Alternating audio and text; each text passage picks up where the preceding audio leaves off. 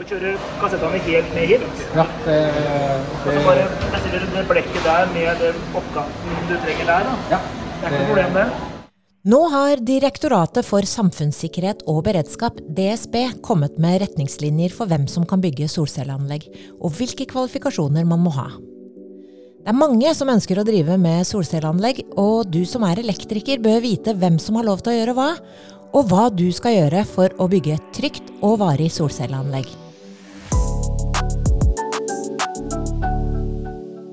På besøk i studio i dag er Jan Cato Hovde fra Reilers Elsikkerhet og Benjamin sin Michael fra Bergård Amundsen. Velkommen til Energipåfyll. Takk for det. Takk så mye.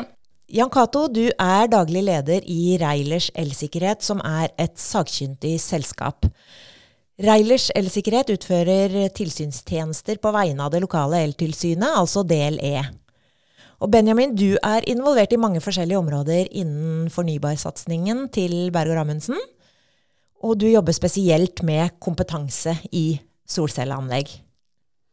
Stemmer det, og derfor er det kjempefint at vi har fått med oss Jan Cato hit i dag, fordi det dukker opp en del spørsmål i forbindelse med bygging av solcelleanlegg. Eh, elektrobransjen er i en stor omstillingsfase hvor veldig mange skal lære veldig mye nytt på kort tid, og da dukker det opp mange spørsmål.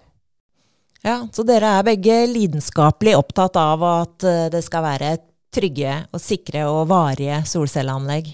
Absolutt. Helt klart. Jan Cato, du har sett en del grelle eksempler på skikkelig utrygge solcelleanlegg, ikke sant? Ja, eh, det har vi. eh, Men jeg har også sett veldig mye bra.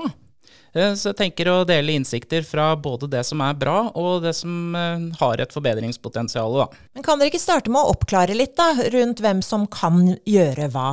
Eh, For det kan vel være fristende for flere enn elektrikere å ta i dette? Ja, For å utføre elektrisk eh, installasjon av solcelleanlegg, så må det være eh, registrert elektroforetak. Og arbeidet med å bygge, altså etablere et solcelleanlegg, vil jo naturlig nok være blanding av mekanisk arbeid, byggteknisk arbeid og ikke minst elektroinstallasjonsarbeid. da.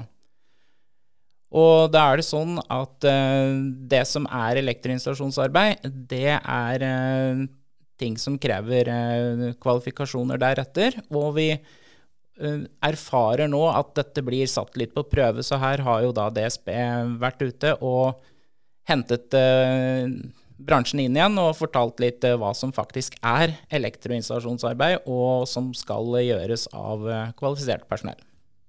Dette er jo en veldig hot topic, og noe vi får spørsmål om støtt og stadig. Nettopp dette med hvem det er som kan bygge et solcelleanlegg. Og det det er jo installatørbedrifter der ute som prøver å finne eh, den mest effektive måten å bygge disse solcelleanleggene på. Det skal bygges utrolig mange solcelleanlegg i årene som kommer. Og vi får jo tilbakemeldinger om at noen syns det kan være utfordrende bl.a. å skulle ansette eh, elektrikere som på heltid skal stå og jobbe på, eh, på taket til kunden. Og de vil jo kanskje argumentere for at en snekker eller taktekker er de beste til å faktisk montere dette anlegget på et tak. Men er det sånn å forstå at eh, det er ikke noe i veien med at en snekker eller taktekker skrur altså selve dette festesystemet til solcelleanlegget ned til taket. Det er, det er kobling av paneler eh, hvor man må være en elektriker.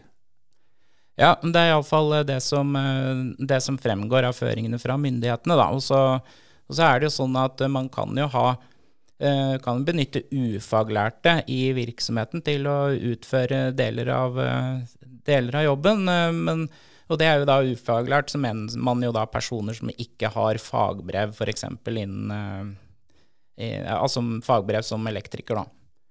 Eh, Men det forutsetter jo da at eh, man på lik linje med kvalifisert personell er omfatta av elvirksomhetens internkontroll.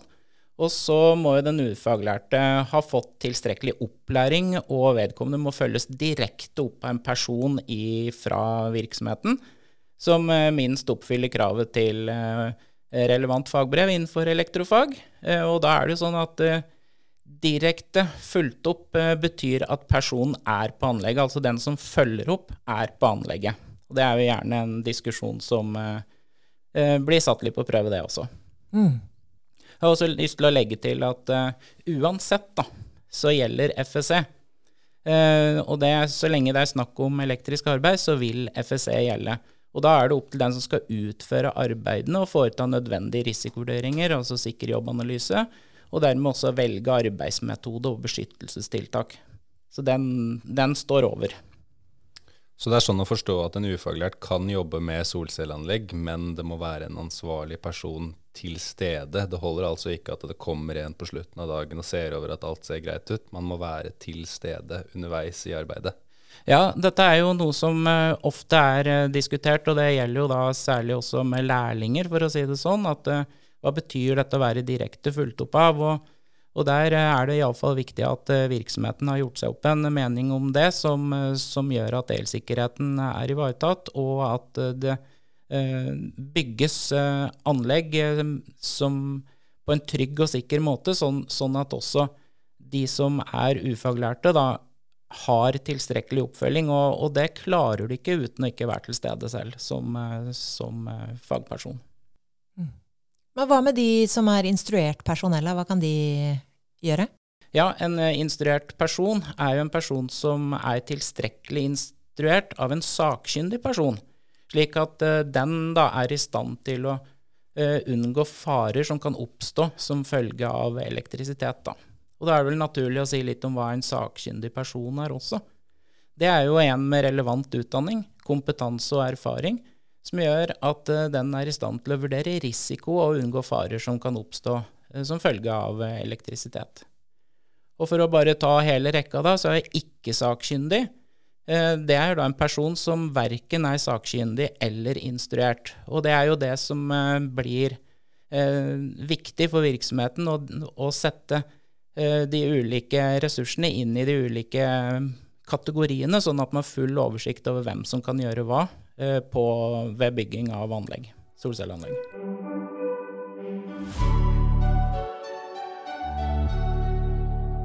Men Benjamin, hva er det som kan gå galt? Det er ganske mye som kan gå galt. Eh, I verste konsekvens så kan det jo feil ved solcelleanlegg kan i verste konsekvens føre til tap av liv, men også store materielle skader. Da. hvis en brann f.eks. oppstår, så er det klart at da kan både liv gå tapt og eh, det være store skader i eh, millionklassen. Eh, det er snakk om. Jan Cato, hvilke typiske feil ser dere på solcelleanlegg når dere er ute på befaring? Det, det vi ser mye av, det er jo at eh, ting ikke er uh, tilstrekkelig festa.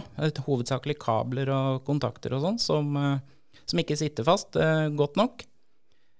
vi ser også at det mangler en del merking, og at dokumentasjonen er dårlig. men vi ser også, også en del kabler som ligger over skarpe kanter. Og det er sånne enkle ting egentlig å fikse i forbindelse med med bygging og, og av solcelleanlegget og sluttkontroll, så vil man kunne verifisere disse forholdene. Så det, det er egentlig enkle ting å utbedre da, eh, på, ved bygging. Ok, man må bare vite om det, så ja, man gjør det riktig? riktig? Være klar over det. Eh, og derfor så har jo vi, vi når vi er ute på tilsyn, så har jo vi en sjekkliste som vi følger, som egentlig er egentlig en med, med det som er Eh, dokumentasjonskravene, da, kan man si, i, for et solcelleanlegg. Og typisk, da, for å nevne noen, er at vi ser etter at kabler ikke ligger over skarpe kanter. Vi ser etter at uh, kabler og uh, DC-kontaktene ikke ligger nær eller i vann. Vi ser at disse kablene er betryggende festa, og at det er tilstrekkelig merking og tilstrekkelig dokumentasjon. Når det gjelder hvor vi finner feil, så er det også litt interessant. Da, da er det sånn at Eh, vi har eh, det er på Hovedsakelig så er det på DC-siden vi, vi, ser eh, avvikene.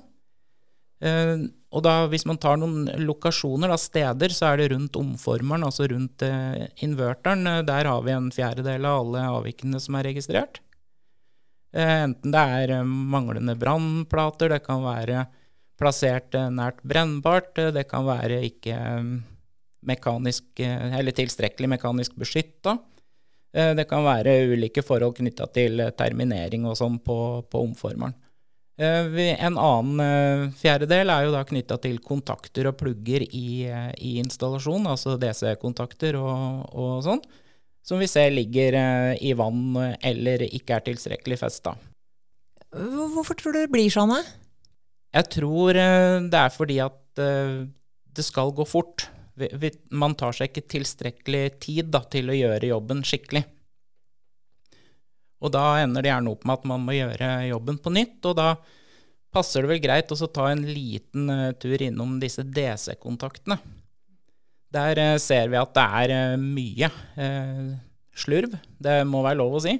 Men vi ser også veldig mye bra, da, så man må passe på det, at, å ta med det som er bra. Men når det gjelder disse DC-kontaktene, så er det jo sånn at det er jo da et samlebegrep for alle typer kontakter, DC-kontakter. Ofte kalt MC4-kontakter. Eh, men det er jo da en, eh, et navn eh, på et produkt fra Staubli. Men DC-kontaktene de er da ikke standardisert. De kan da plugges sammen, men de passer egentlig ikke helt sammen. Og Da er det risiko for termisk utvikling, altså at det kan bli varme. da. Og man får da mm, overgangsmotstand som er høy, og man kan få en lysbue, og det kan føre til brann.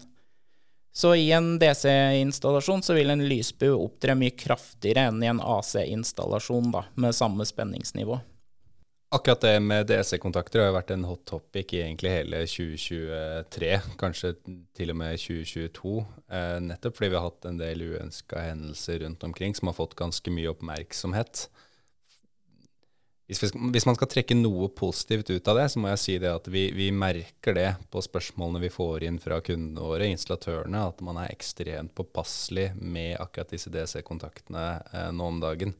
Vi får konstant inn spørsmål om er vi sikre på at eh, panelets eh, DC-kontakt er kompatibel med de dere selger løst, med de som henger i inverteren osv. osv. Så, videre, og så, så det har skjedd en del uønska hendelser, men det har jo også ført til bevisstgjøring der ute. Da. Det ser vi på som veldig gledelig.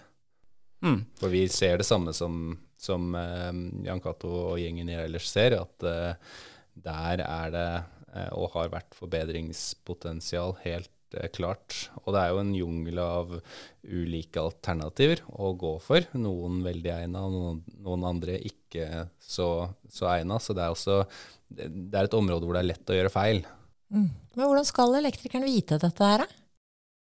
Ja, jeg tenker at uh, det, det, er egentlig veldig enkelt. For uh, bruk, sånn som NEC 400 også oppstiller, bruk DC-kontakter av lik type og fabrikant. Bruk rett termineringsverktøy. Eh, vær oppmerksom på været eh, når dette her monteres. Altså den fuktigheten som er i lufta når du klemmer sammen en sånn DC-kontakt, den blir med inn i kontakten. Det kan jo da på sikt eh, lage pro problemer som f.eks. varmgang og lysbue, og til, i verste fall brann. Så jeg vet noen de, de monterer monterer disse DC-kontaktene kun eh, når det er bra vær, for å si det på den måten. Så hvis man skal ta en sånn eh, oppsummering da, på dette med, med DC-kontakter, så mm, påse at det er lik type og fabrikant. Bruk rett termineringsverktøy. Ha et forhold til eh, været på monteringstidspunktet. Vær oppmerksom på fukt og kondens så har du iallfall eh, gjort eh, mye riktig. Da er du på god vei.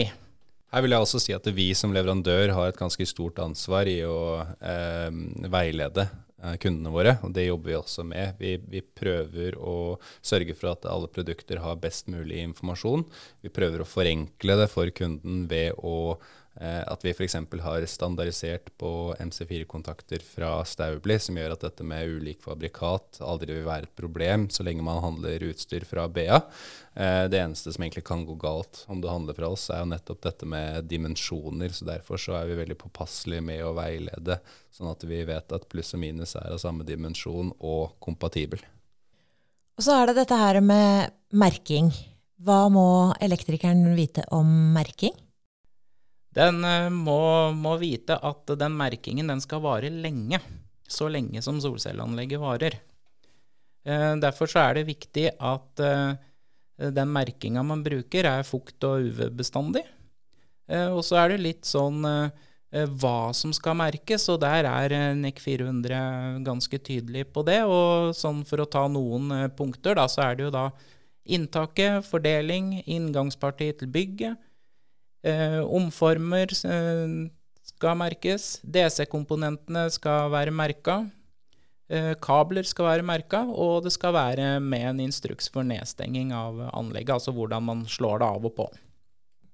Og ser dere mye slurv rundt disse merkingene? Ja, vi, vi gjør faktisk det. det. Vi ser at ved inngangsparti så er det gjerne merka at du har et solcelleanlegg, men så blir det litt dårligere og dårligere jo lenger ut i anlegget vi kommer. men hovedsakelig så, så, er det dette med, med varig merking som er et problem. For dette står jo gjerne i sola. Det er jo ute. Ja. Så der er det viktig å bruke merking som er, er egne, og dette er jo sånn typisk man får fra dere i Berg og Rammundsen, sikkert? Absolutt, det gjør man. Vi ser jo også det, vi, at det, det, det slurves en del. Eh, eksempel på det er at man bruker en, man surrer én runde elektrikerteip rundt kabelen for å markere minus, og to runder for pluss.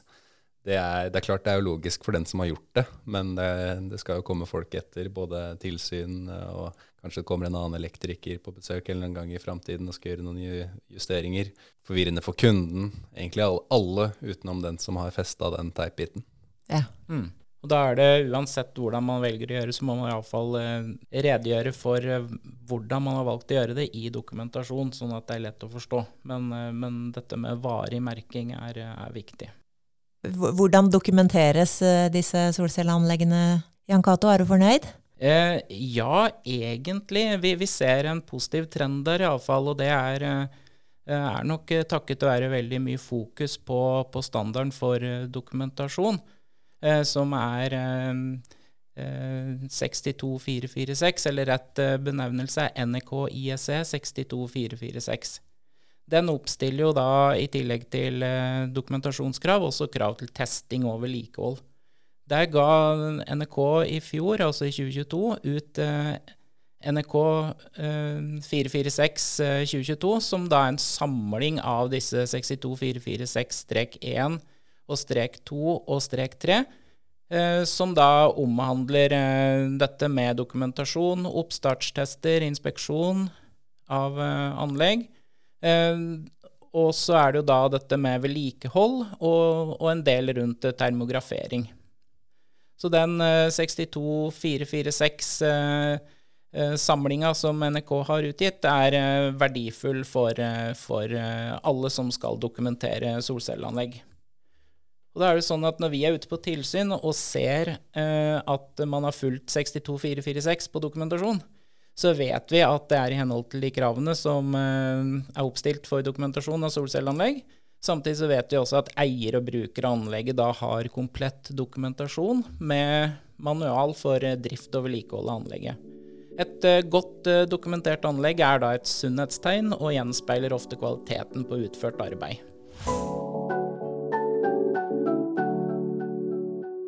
Jan Cato, hvordan ser du på altså, utviklingen når det kommer til dokumentasjon av solcelleanlegg eh, de siste årene? Jeg vil ikke si vi er i mål akkurat, men det har skjedd litt? Ja, eh, det har det absolutt. Og det som eh, man gjerne ser, er jo at de som leverer solcelleanleggene, de har gode ressurser internt, og de anskaffer seg dokumentasjonspakker da, som de etablerer og inkorporerer i internkontrollsystemene sine, sånn at de i større grad enn før eh, er i stand til å dokumentere anleggene fullt ut. Eh, og det er jo sånn typiske dokumentasjonspakkene som Nelfo har, er jo gode eksempler på hvordan, hvordan man kan oppfylle dokumentasjonskravene. Og de er tilgjengelige for alle, eller? De er, eh, etter det jeg vet, tilgjengelige for alle.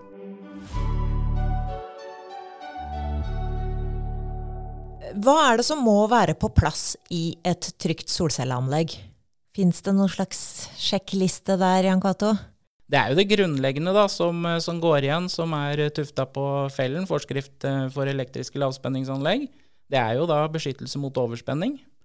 Det må være beskyttelse mot kortslutning, det må være beskyttelse mot overbelastning, det må være beskytta mot eh, jordfeil og beskyttelse mot utilsikta utkobling. Har man ivaretatt uh, de punktene der, så har man uh, på god vei et uh, trygt og sikkert solcelleanlegg også. Det hørtes jo ganske greit ut, da. Ja. I praksis så ser vi at det kan by på litt utfordringer å få det til. Men som sagt, passer den på at ting er festa og, og, og har montert eh, disse DC-kontaktene når det er eh, vær til det, så, og brukt rett termineringsverktøy også, så, så, er man på god vei sammen med, med, en utfyllende dokumentasjon. Når jeg hører du prate, så får jeg et inntrykk av at mye, mye handler egentlig om sunn fornuft. Tenke ja. seg om og ta en visuell kontroll i etterkant av installasjonen. Ta seg tid. Det er egentlig ikke veldig komplisert. Nei, det, det, det, er helt riktig. Det, det, er ikke så komplisert. Eh, men man må vite hva man gjør, og man må ha produktkunnskap. Da man må kjenne disse produktene. Eh, så det er viktig med inngående produktkunnskap eh, for, for å bygge trygge og sikre anlegg.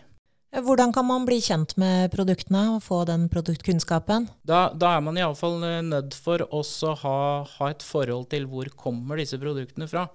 Eh, og typisk da er jo å snakke med de som leverer produktene, og, og, og, få et inntrykk av hvor gode de er og kjenne produktene sine. Og da er sånn typisk eh, problemstilling vi ser når eh, vi er ute på tilsyn, er jo da at en del av disse produktene som isolert sett fungerer tipp topp, når de settes sammen i et eller annet system, så påvirker de hverandre og, og forringer elsikkerheten og driftssikkerheten. Så det er sånn typisk ting som, eh, som, vi ser eh, mer og mer av nå. Eh, og det, det krever jo da at man har produktkunnskap og, og, og, har et sted å søke råd når ting oppfører seg rart. Og der kan dere hjelpe, Benjamin? Absolutt. Det er jo en av våre viktigste jobber. Nettopp det å identifisere de rette produktene som er godt egnet og av en høy kvalitet, og veilede kundene våre underveis. Både når det gjelder valg av produkter, men også i etterkant. Og sørge for at de har den dokumentasjonen de trenger. Ja, fordi det er jo dette med CE-merkinga som er veldig um, mye omtalt nå. Altså kan man stole på den? Vi har jo denne her eh, artige saken eh, China Export, som egentlig er en uh, variant av det. Disse, denne CE-merkingen ser jo veldig lik ut som eh, China Export-merkingen, men, eh, men, man må iallfall være trygg da på at sånn som Bergor Amundsen eller andre som, som, leverer produkter, at de har kontroll på, på hele kjeden og vet, vet, hvor de kommer ifra, og pro, hvor produktene kommer fra, og i hvilken kvalitet de er i forhold til standardene de er bygget etter. da. Det kan til tider være utfordrende for oss å skulle konkurrere mot uh, disse ferdigpakkene fra, fra Kina f.eks. Altså, uh, det er klart det, det, det, er ikke dyrt, men du får ikke nødvendigvis den dokumentasjonen du trenger. Og du har på mange måter ingen garanti for at uh, produktet faktisk er, er egna for den bruken det skal brukes til. Ja, For det er litt spesielle forhold i Norge også, sammenligna med resten av verden? Med vær og, og, ytre påvirkninger og sånn, eller? Ja, det er i hvert fall et hensyn du trenger å ta. Eh, I solcellesammenheng så er jo dette med hvor mye panelene tåler, f.eks., veldig relevant. Og så trenger du eh, På invertersiden f.eks. så er det jo avhengig av produkter som fungerer i Norge. Vi har et litt spesielt nett, eh, osv., osv. Er det noen spesielle hensyn eh, elektrikeren må ta når man skal drive med solceller i landbruket? Ja, eh, der er det noen eh, interessante forhold, og da er det jo gjerne mm, korrosjon. Det kan jo ta litt om det. Og da er det jo sånn at uh, i landbruket så har man uh, ofte litt uh, spesielle miljøer og forhøya nivåer av f.eks. ammoniakk og salt kan jo også være et tema, hvis man er langs kysten f.eks. Og da, da, er det viktig at, at disse solcellepanelene og, og, produktene da er egna til å være i, i omgivelser der, der, det er eh, ammoniakk. Eh, og da er det en egen standard og en egen merking som, eh, som presiserer den type egenskap på, på, produktet. Og det er jo da NRK ISC 62716 som må være på, påstempla på den. hvis det skal være motstandsdyktig mot eh, salt, altså salttåke, eh, som kommer, eh, kommer fra kysten og havet, så er det da NRK ISE 61701 som må være ivaretatt. Da, hvis man har disse utfordringene, så påse å få produkter som, som oppfyller krav til å stå i sånne type omgivelser.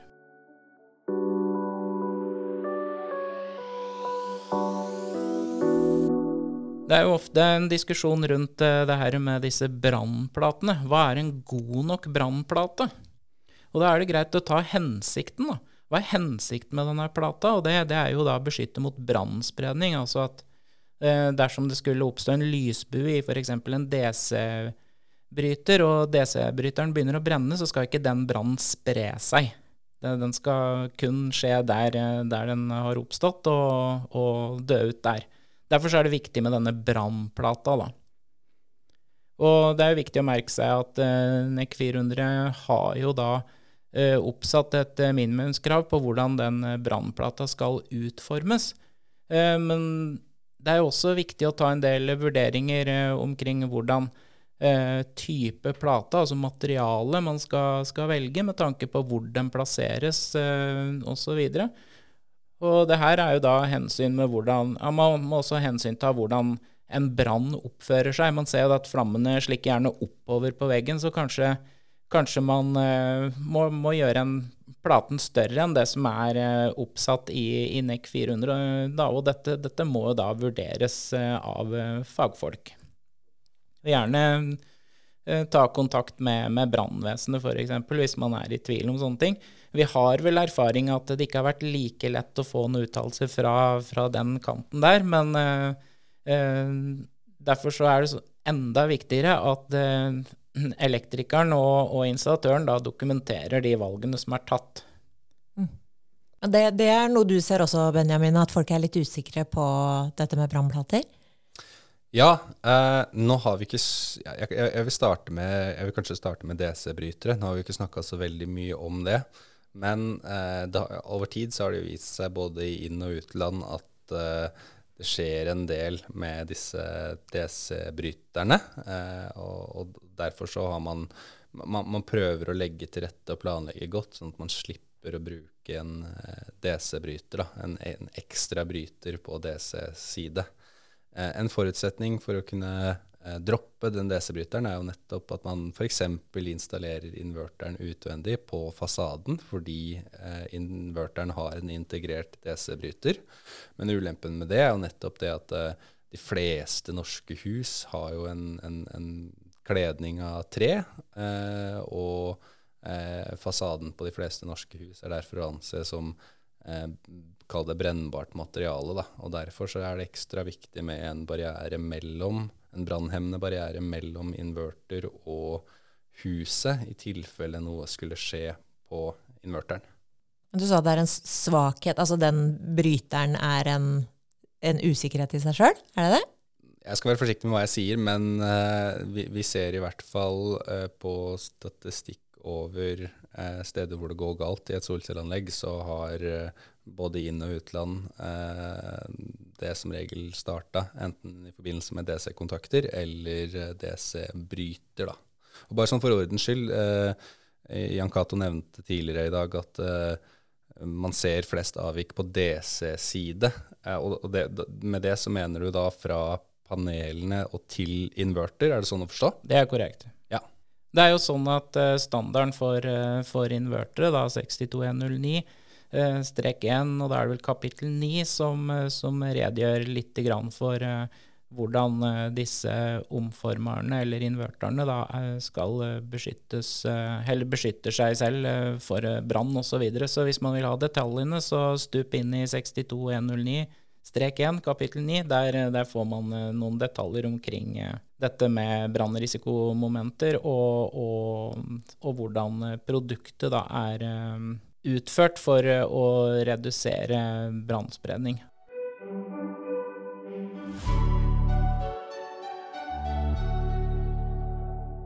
Men hvordan kan elektrikeren bli trygg på at eh, han eller hun gjør ting etter boka? Da, da, må man jo for det første ha de rette kvalifikasjonene, ha tilstrekkelig opplæring. Og ikke minst eh, eh, ha kjennskap til, eh, til hele anlegget, hvordan det fungerer. Funksjon og virkemåte er viktig. Og så er det jo dette med produktkunnskap, som sagt, som da blir en eh, hjørnestein i å utføre trygge og effektive og pålitelige elektriske installasjoner. Og det, altså har du god produktkunnskap og er faglig dyktig, så bidrar du til å beskytte liv og eiendom og miljø, og du sikrer jo da kvaliteten eh, på det arbeidet som blir gjort. Og du sikrer som sagt også at et solcelleanlegg bygges for å vare lenge. Har du sett noe anlegg i det siste som har gjort deg skikkelig glad? Eh, ja, eh, det, det, må jeg virkelig si. Det var et anlegg eh, som vi var på som eh, i utgangspunktet eh, fikk stryk. Som vi eh, Det var veldig dårlig arbeid, men vi snakka litt sammen med de som var der, og fikk inn faglig ansvarlig, og vi tok en gjennomgang, og det anlegget blei faktisk veldig bra. Eh, der eh, blei dokumentasjon skikkelig. Kabler var eh, montert og plassert på skikkelige steder, og panelene var sånn de skulle. Og, og det fungerte veldig bra sånn totalt sett, og, og kunden var også fornøyd. Elvirksomheten dette gjaldt, blei også veldig glad når, når, vi hadde den dialogen ute på, på, anlegget, og vi har fulgt de opp senere også og ser at de nå bygger trygge og sikre og gode anlegg med skikkelige produkter. Benjamin, Proffskolen tilbyr jo noen forskjellige kurs om eh, solcelleanlegg. Kan du fortelle litt om det? Det kan jeg, vet du. Vi har jo fått et ganske stort kursspekter nå. Vi har et innføringskurs som går over fire timer. Holdes stort sett lokalt på ulike BA-proffpunkt rundt omkring i landet, men en gang iblant digitalt. Eh, det er et innføringskurs som tar deg gjennom Eh, litt om markedet. Eh, det tekniske. Paneler, festesystem, invertere, ulike invertertyper, ulike typer festesystem. Det, det, er som sagt et innføringskurs. Du får en liten smakebit av veldig mange uh, ulike temaer. Og, og er ment for å gjøre det enklere for en et godt etablert elektrikerbedrift som kunne tenkt seg å starte med solcelleanlegg, og, og, rett og slett navigere i en ny del av den bransjen de allerede er en del av. Så det var innføringskurset. Eh, naturlig, et naturlig kurs nummer to etter å ha vært på innføringskurs er eh, forskrifter, dokumentasjon og testing med Jørn Erik Andersen. Det er et kurs som også går over fire timer, hvor man starter med å prate en del om, ja, litt som Jan Cato har pratet om i dag, eh, hvilke lover og regler er det som sier noe om hvem som kan bygge solcelleanlegg, og hvordan de skal bygges. Eh, deretter så går man over til å bruke eh, Nelfo sin dokumentasjonspakke, og eh, viser da til et, eh, et Eh, eksempelhus. ok, Så du har x antall paneler på taket, inverter er plassert der og der, kablene går sånn og sånn. Eh, nå skal man fylle ut disse, denne Nelfo dokumentasjonspakka i henhold til det eh, eksempelhuset eh, Jørn viser til. Og på slutten så er det en del om, om, om testing. Eh, Nytt for høsten er et praktisk kurs her på Langhus. Vi har bygget juksetak med ulike taktyper, som gjør at man kan få prøve seg på, eh, på tak, rett og slett. Man kan få skru ulike typer festsystem til taket, og så skal man rett og slett bli vist den beste måten å bruke festesystemene våre på. Det gjelder både skråtak og flattak. I tillegg har vi fått opp en liten lab på veggen som gjør at vi kan eh, bli bedre kjent med inverterne også. Og så eh, vil jeg ikke røpe for mye, men vi har jo flere kurs eh, på gang, så man skal ikke se bort ifra at det kommer noe nytt i, i løpet av høsten også. Høres jo veldig spennende ut. Og en trygghet for eh, de som skal begynne å ta i dette. Ja, det, det, det trengs. Det må til. Uh, Jan Cato delte i stad hva som gleder han om dagen. Det, det som kanskje gleder meg er at, mest, er at sol er blitt så hot som det har blitt. Og det eh, gjør at hele bransjen får et, et skikkelig løft, vil jeg si. Det blir mye mer profesjonelt. Eh, til nå så har det egentlig vært sånn at du bygger et solcelleanlegg, og så eh, enten så kommer eh, Jan Cato-gjengen fra DLE på, på, besøk, eller så er det ingen som kommer og ser over anlegget i det hele tatt. Eh, nå så ser vi at forsikringsselskap begynner å stille krav til kvaliteten og utførelsen av solcelleanlegg. Eh, vi får prof, mer og mer proffe oppdragsgivere. Eiendomsselskaper, f.eks. stat og kommune.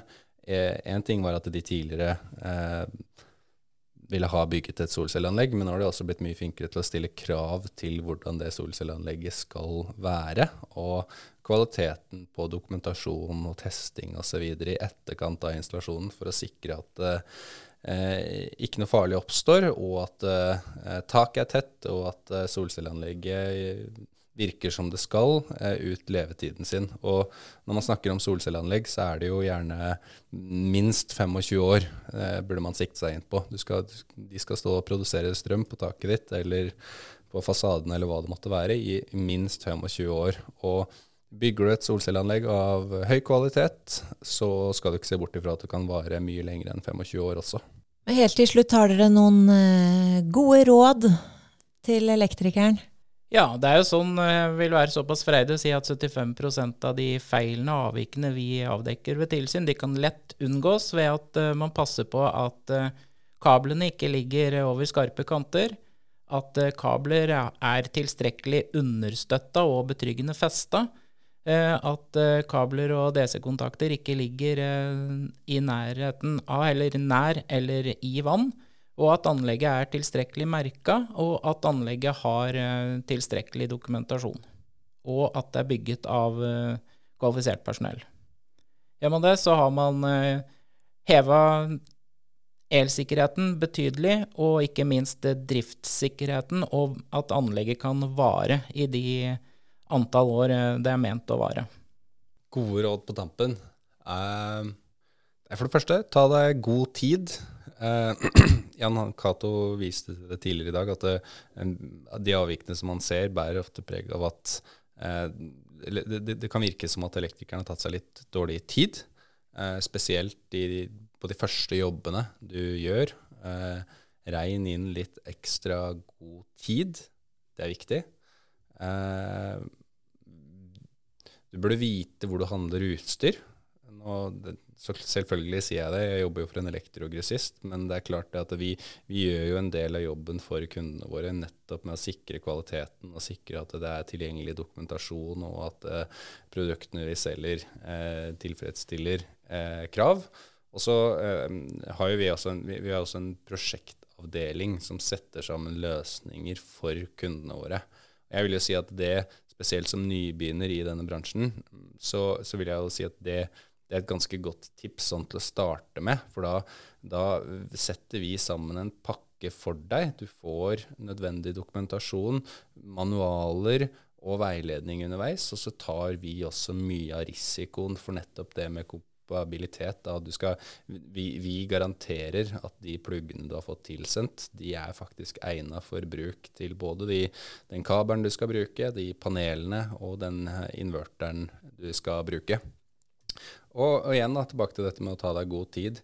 På tampen av installasjonen, gå en runde. Gå en, gjerne en ekstra runde, fordi mye av det er sunn fornuft og, og, ting som ved en visuell kontroll eh, fort kan eh, oppdages. Og det er eh, Jeg tror alle som lytter til denne podkasten, kjenner seg igjen i det at det er mye rimeligere å løse problemer eh, med en gang, framfor å måtte kjøre tilbake igjen.